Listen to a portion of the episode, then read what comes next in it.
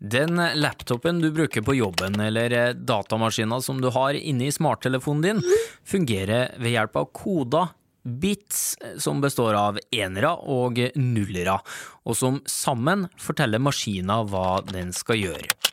Du kan se på det som at du knipser en mynt i lufta, og hvis den lander på kron, så registrerer datamaskinen en ener, og lander den på sida med mynt, så registrerer den en nuller.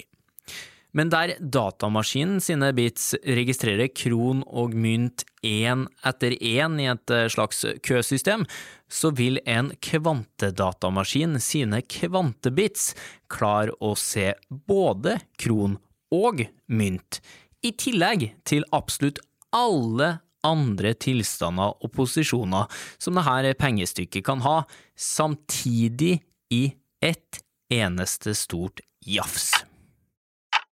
For å si det med andre ord, det en vanlig datamaskin ville ha brukt millioner av år på å regne ut, vil en kvantedatamaskin potensielt bruke bare noen minutter på å finne et svar på. Lykkes vi med denne teknologien, vil vi løse kompliserte utfordringer rekordraskt og få helt nye muligheter.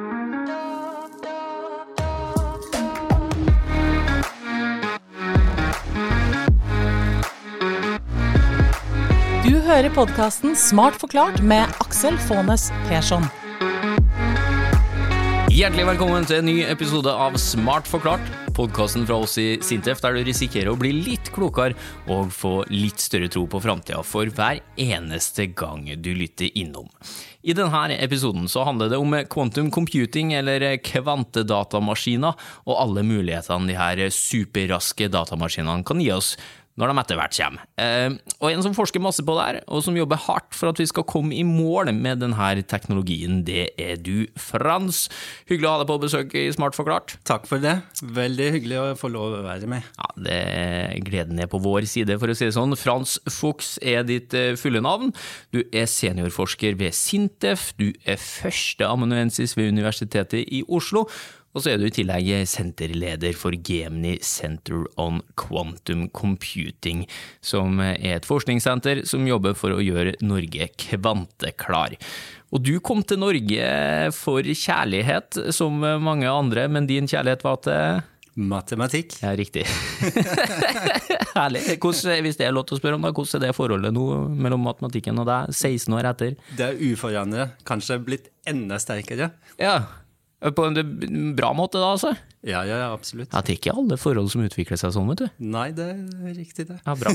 Heldigvis. Eh, eh, nok om forholdene. Eh, la oss snakke om det du er her for å snakke om. Quantum computing. Altså, hva er det for noe? Quantum computing handler om å regne og løse veldig vanskelige matteoppgaver. Hvis du ser for deg at du har, skal bygge et hus, og du har en hammer og en spiker, og skal feste panelet, så det går jo fint, det. Men det tar ganske lang tid. Det quantum computing tilsvarer, da, er en spikerpistol. Så puff, puff, puff, puff. Det går fortere. Mye raskere. Ja, så altså det, det, vi har i dag tilgjengelig i den verktøykassa vår når vi skal regne ut vanskelige ting, det er altså en hammer og en spiker, sånn at det går. Mens det vi får da, når quantum computing etter hvert kommer på plass, er altså en spikerpistol. Ja, og sånn som det er med en spikerpistol, den er ikke spesielt velegnet for å sveise ting. Nei. og det er litt tilsvarende en kvantedatamaskin vil være god på noen ting, og ikke så veldig god, ikke så velegnet for andre ting. Ok, Hvilke, hvilke områder er den bra på, da? Så det man vet per dags dato, er at den egner seg veldig bra for å løse optimeringsproblem, sånne type logistikkproblem. Også innenfor medisin og sånn det man kaller for kvantekjemi, hvor du skal regne på molekylært nivå. Um, og så har du maskinlæring også med. Ja, ok. Eh, tre områder. Eh, jeg skal prøve å huske på alle de tre, mens du gir oss konkrete eksempler på dem. Da. Begynn med logistikkproblemene først. Ja, vi mennesker vi elsker jo å vente på ting. Nei, det gjør vi ikke! Å oh, ja, det var sånn det var, ja. Så vi, vi, liker ikke å vente på ting, og det er jo en haug med forskjellige sånne um, køproblemer Hvis du tenker f.eks. at uh, Posten må levere post, um, så er det, må den jo innom en forskjellig rute kan velge. Um, og det, å velge den beste, det mest optimale, som eh, tar kortest mulig tid, det er en ganske vanskelig oppgave, fordi det er veldig mange eh, Det er utrolig mange forskjellige måter å komme seg gjennom de, den ruta. Mm. Og mye som kan oppstå underveis og alt det der. Ja, og det kan oppstå masse underveis, og da må du beregne på nytt hvordan er det best nå. Men har vi ikke Google Maps og sånne løsninger til å gjøre det i dag, da? Jo, og det, vi, vi har en metode som fungerer passe bra. Men en kvantedatamaskin vil jo potensielt uh, løse det mye raskere. Ja. Og så vil man i tillegg, har jeg forstått uh, av det jeg leste meg opp på, kunne bruke det f.eks. på flytrafikken. Altså at man uh, slipper å havne i den situasjonen at et fly må sirkle over flyplassen mens et annet et, uh, driver på å lette. Altså at man får gjort landing og avgang og alt det som hører med med alle flyene i lufta, mye mer sømløst. Og Dermed så får man jo også spart litt drivstoff, og dermed også utslipp. Ja, Og ikke minst eh, hvis du er fortsatt på bakken og er i en kø der. Jeg sitter på flyet og har havnet i en kø. Det er jo det kjedeligste du gjør, å stå mm. i kø. Nei, men Det er jo helt nydelig hvis, hvis det går an å, å, løse det. Og så var det område to, som var eh, medisin. Ja, også der handler det om slippe å vente. Um, hvis du skal oppfinne en ny medisin, så eh, må du teste den. Eh, teste laboratoriet.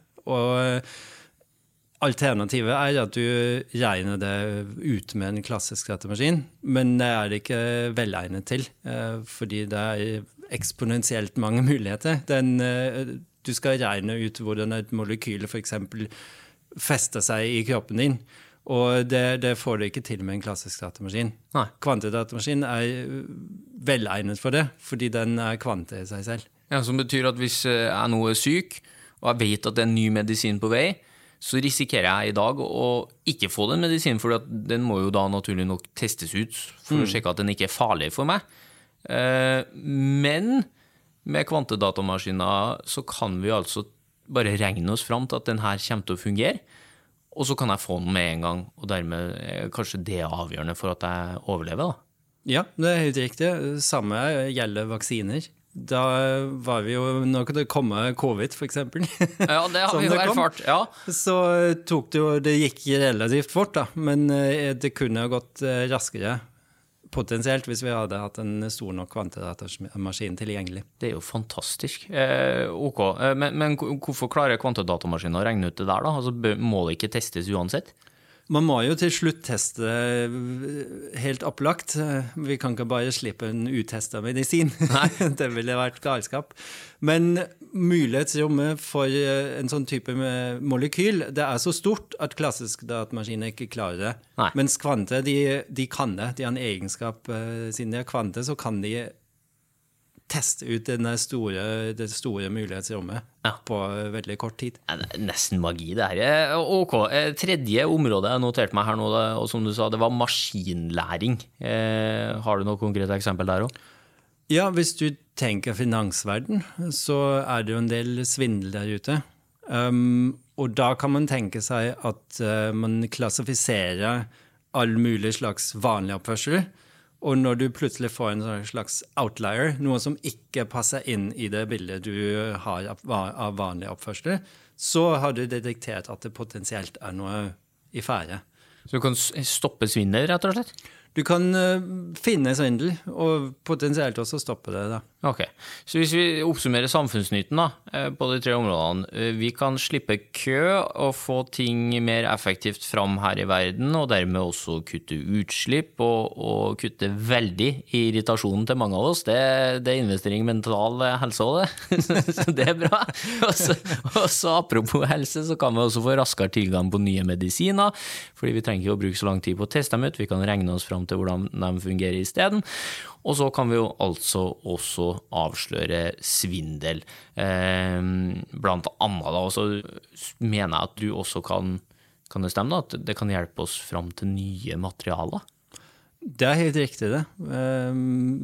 Jeg lik, liker å øh, kjøre bil, eh, og, men billakken syns jeg er litt, de er litt sånn skjøre. Ja, det, det blir lett veldig- ripa. Du, du ser på bilen litt eh, på feil måte, så, så har det fått deg en ripe. Ja. Så det kan jo tenkes at man finner en eh, billakk som ikke ripes opp så lett. Riktig. Vet du, hvis alt det her skjer, eh, da blir verden mye bedre. Det tror jeg vi kan eh, sette to streker under. Eh, og så eh, må vi jo prøve å forklare hvordan det her fungerer, Frans. Og, og det er kanskje det vanskeligste spørsmålet du kan få. Jeg vet at alle eksperter på feltet sier at det nesten er umulig å forklare. Men eh, er du klar? Er du klar til å forklare? Jeg er klar for å forklare. Hvordan fungerer quantum computing? Ok, la oss først ta hardware-biten, da.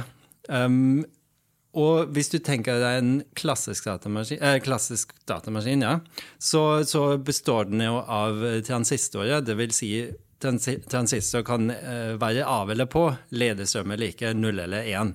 Det er disse bitene vi vet, og har hørt om masse. Og en bitsring er jo noe som 001, 000.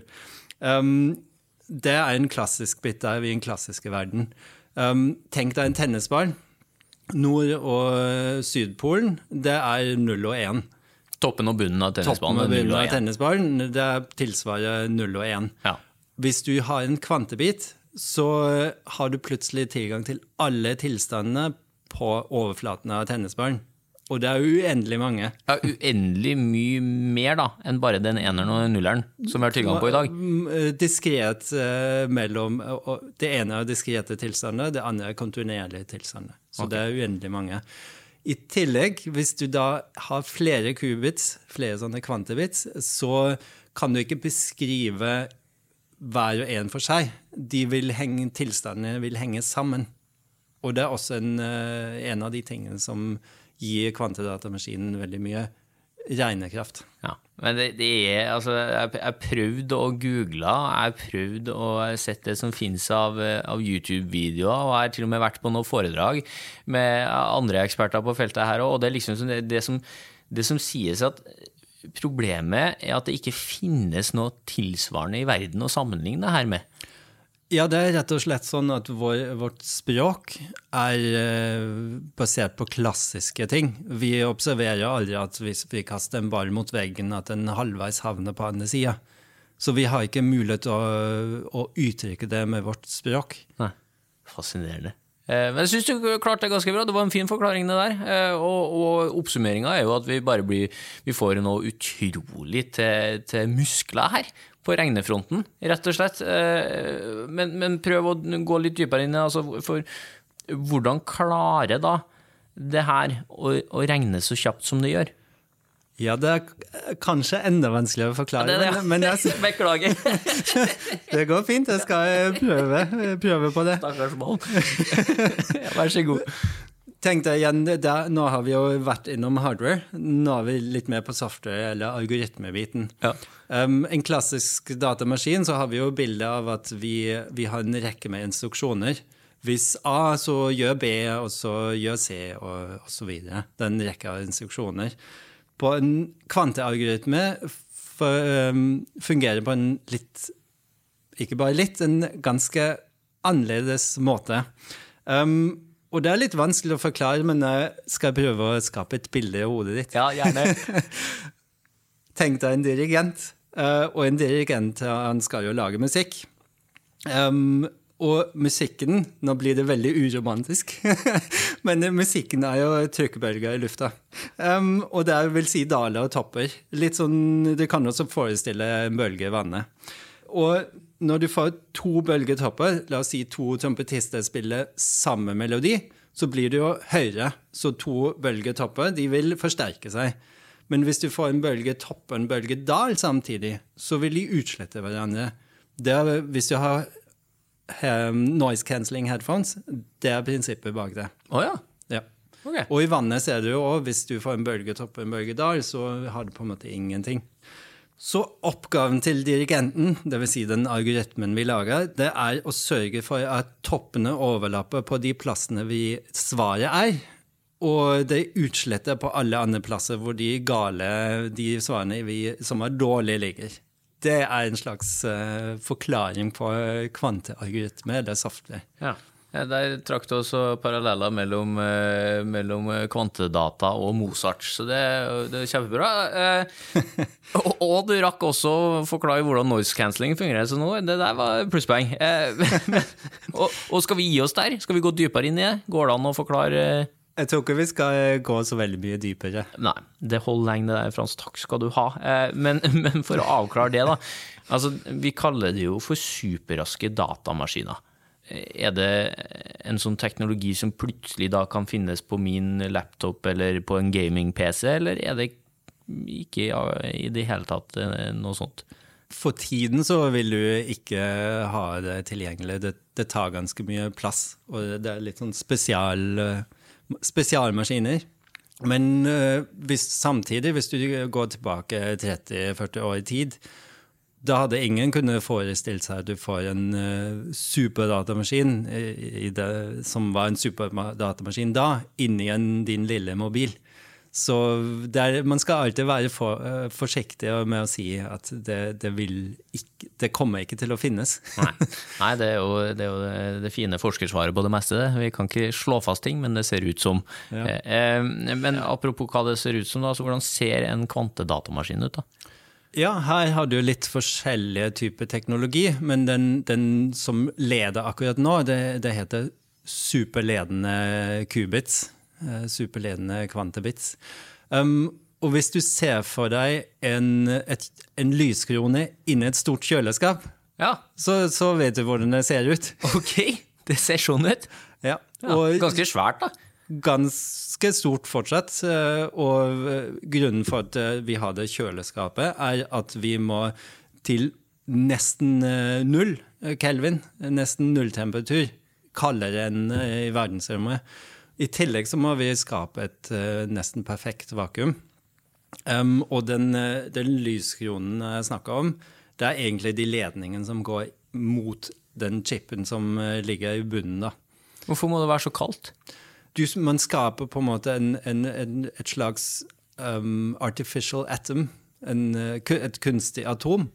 Uh, og den oppførselen får du bare hvis du er så langt ned i temperatur, for de vil ha en overgang mellom 0 og 1. Og den overgangen skjer bare hvis det er så kaldt. Og hvis det er varmt, så, det, så får du ikke den overgangen mellom 0 og 1. Ok, men da dukker et par bekymringer i hodet mitt nå. Eh, nummer én, eh, det her må jo kreve en del strøm. Gjør det det? Det kommer litt an på hvordan du ser på det. Um, de her superledende som har vært innom eh, nå, de uh, trenger jo ca. to dager for å kjøles ned og lage det vakuumet. Um, det tar ikke så mye energi. Og når du først er kjølt ned og har det vakuumet, så, så selve beregninga er jo gratis, nesten. Fordi alt du sender inn, er sånne mikrobølger. Så det, det tar ikke så mye energi. Og så må du jo sammenligne det med en uh, superdatamaskin. Dvs. Si mange mange datamaskiner koblet sammen. Ja. Som du har en sånne rene sentre. Og de tar jo Hvis du snakker exascale, så må du jo nesten ha et dedikert kraftverk. Ja, for å få eh, vanlige datamaskiner til å, nesten nå det samme potensialet, yes. Yes. så trenger du så sinnssykt mange at det kommer til å kreve strøm. Mens eh, det her altså er bare én eh, maskin. Og som du sier, den, den tar ikke så mye strøm. Den. Mm. Ja. Det var beroligende. Bekymring nummer to. Hvordan skal vi unngå at den teknologien her havner i feil hender? For jeg ser for meg at hvis det er bra for verden, så kan man også bruke den teknologien til å gjøre noe som kan være slemt. da. Altså Hackere, eksempel, eller noen som ønsker å gjøre noe vondt for verden.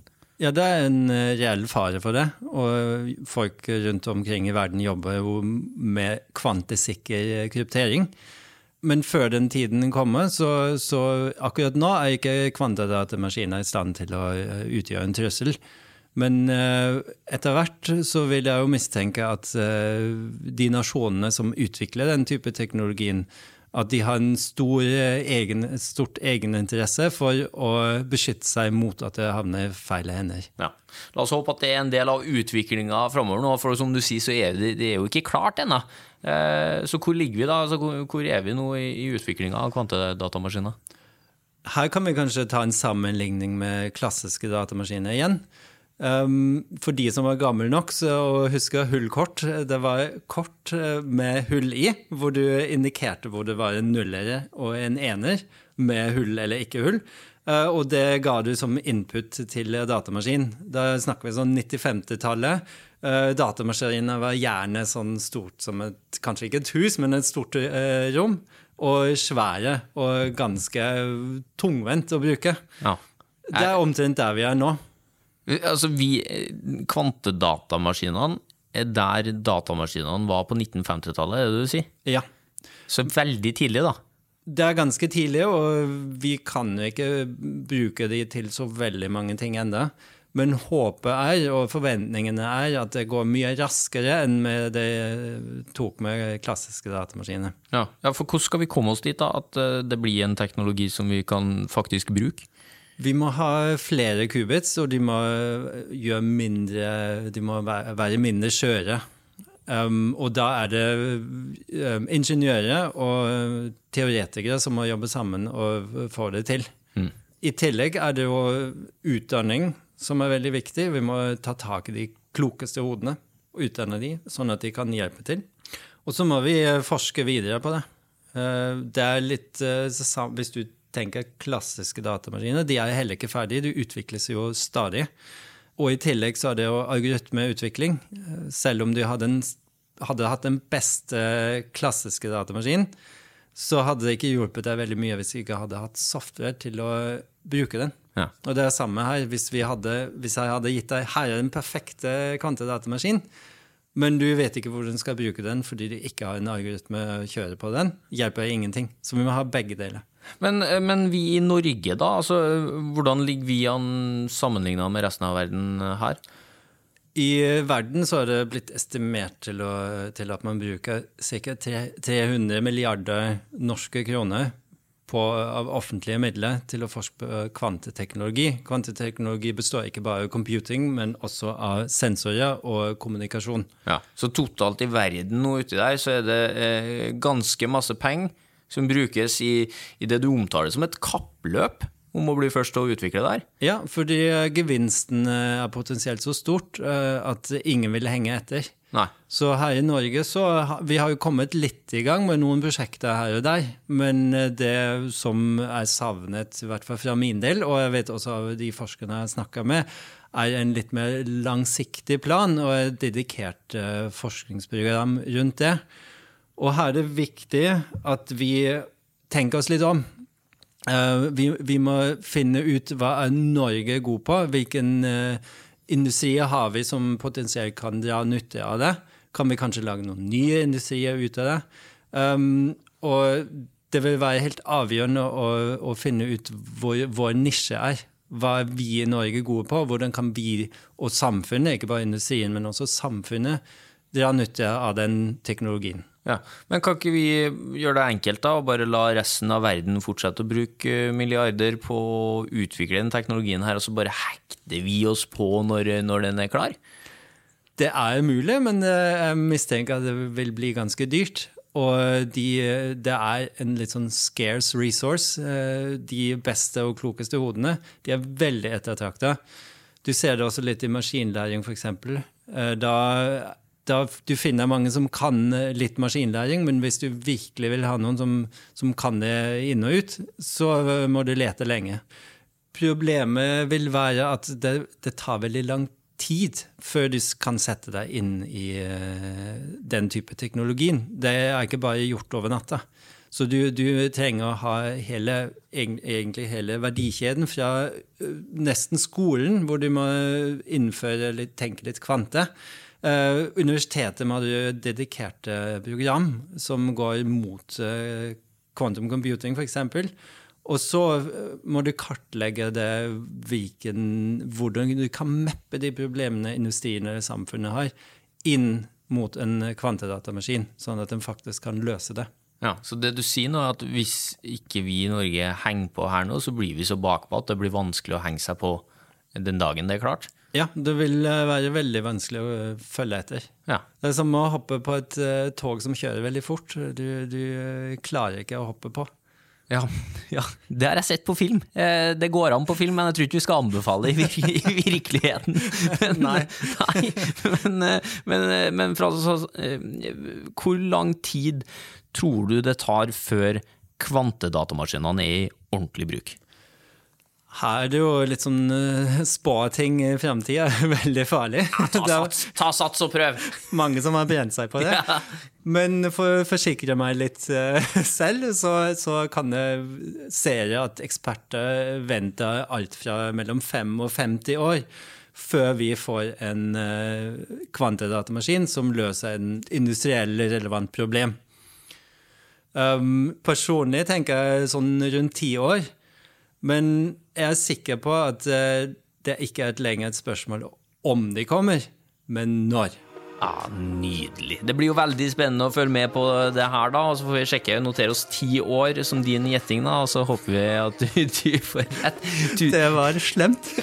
nei, nei, nå har du sagt det. Nå må du stå for det.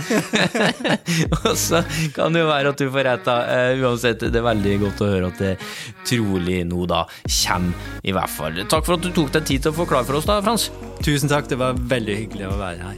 Veldig hyggelig å ha deg på besøk, og, og takk også til deg som hører på. Vi begynner å bli en skikkelig stor gjeng, og det er kjempeartig. Du må gjerne trykke på abonner eller følg-knappen der du fant denne episoden, så får du beskjed neste gang vi legger ut noe nytt. Og så blir vi veldig glade om du forteller andre at vi finnes, sånn at vi får spredd litt framtidshåp til enda flere.